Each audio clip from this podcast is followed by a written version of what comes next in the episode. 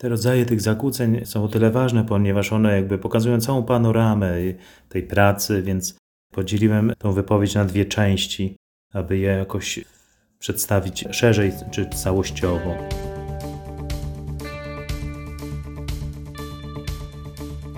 Są też takie postawy, że mamy jakby takie, nie wiem, jak to powiedzieć, błyskotliwe e, odpowiedzi na różne sprawy, jakieś wyuczone takie slogany, bez uważnego wysłuchania ani wsłuchania się w tok cudzej wypowiedzi. Wszystko będzie dobrze, nie przejmuj się, Bóg cię kocha, zrzuć to wszystko na Boga, zaufaj Panu. Ja muszę powiedzieć osobiście, uciekam od takich y, wypowiedzi. Czasami takie mam wrażenie, że, że ktoś mówi takimi wyuczonymi zdaniami, które zamiast pomagać, to jeszcze bardziej irytują człowieka. Ale już chyba oceniam. Więc trzymajmy się tego, co chcemy powiedzieć o zakłóceniach w porozumiewaniu. Nawet taki nielogiczny tok wypowiedzi. Na przykład wyłapuje to i mówi, no słuchaj, ale no na początku mówiłeś tak, a teraz mówisz inaczej, no zdecyduj się taki chaos w rozmowie, że już nie wiadomo o czym rozmawiamy. Ale jaki był główny temat tej rozmowy, o co to chodziło? Taki chaos wprowadzania wielu wątków i zbyt dużo dygresji takich, jakiegoś nakreślania. Czasami się mówi, że jak ktoś ma coś do powiedzenia i wie, co chce powiedzieć, to powie to krótko, zwięźle i na temat. A jak nie wie, to tak kluczy, tak, tak udaje, że wie, że tak, tak tłumaczy, to wszyscy ziewają i tak nikt nic nie wie, nie? Czasami może być tak na kazaniu, że jak ktoś coś wie, to wie, a jak nie wie, to nie wie. Obywa też tak, że e, używa się takich wieloznacznych pojęć bez ich definiowania, albo używa się też takich mm, trudnych słów. Komunikacja interpersonalna.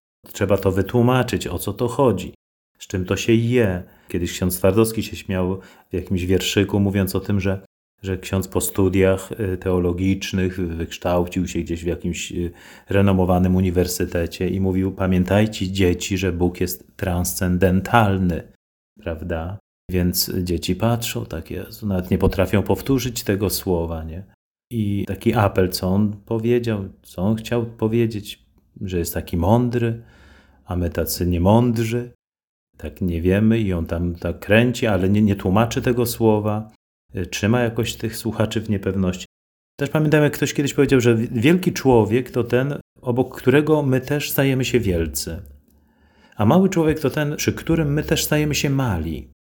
Właśnie, i to, to jest jakby taki klucz. Co zrobić, żeby drugi człowiek przy nas stawał się wielki, żeby czuł swoją wartość, swoją godność. Czasami można mm, komunikacją poniżać, czasami można mówić y, tak, żeby jakby niszczyć drugiego człowieka swoimi wypowiedziami.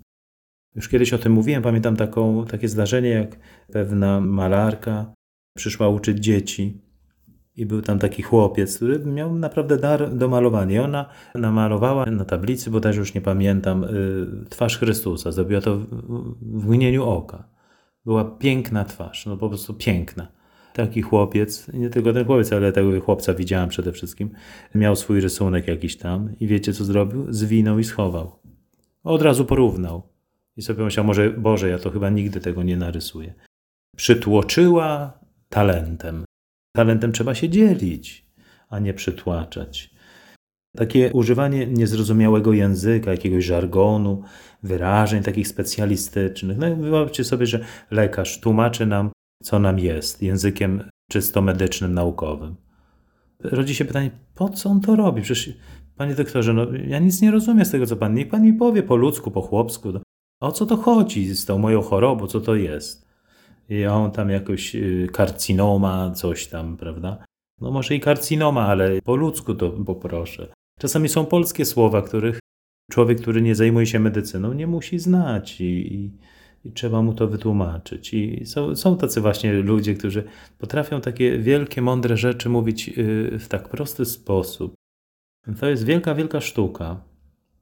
Na przykład takie zbyt długie milczenie, na przykład nie wiem, ktoś tylko milczy, ten mówi i mówi i mówi, już później tylko mówi dlatego, bo tamten nic nie mówi. I tak mówi i mówi. No warto dopytać, dlaczego tak milczysz? No powiedz coś. Milczenie czasami może być niesłuchaniem, ale izolowaniem się.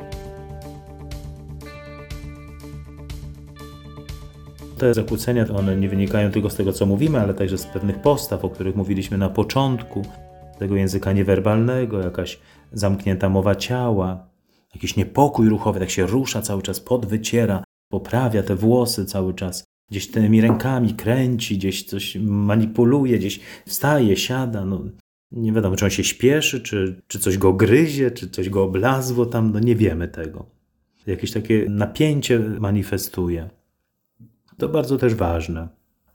Na przykład ktoś jest zmęczony, już tam nie może tego słuchać, już tam ziewa, już tam patrzy, sufituje, już przysnął, mało sobie głowy nie rozbił o blat biurka, a ten mu tłumaczy, na czym świat stoi i jakby lekceważy to zmęczenie, znudzenie, co rodzi też jakąś irytację, że ktoś zaraz spakuje te swoje y, statki i pójdzie do domu. No na pewno brak kultury osobistej jest zakłóceniem komunikacji, porozumiewania się. Tak, jeżeli ktoś obraża, to wyśmiewa, poniża, jest jakiś arogancki, nonszalancki, nie wiem, agresywny w rozmowie, no to, to w ogóle nie można mówić o komunikacji, to jest jakby obrzucanie kogoś błotem.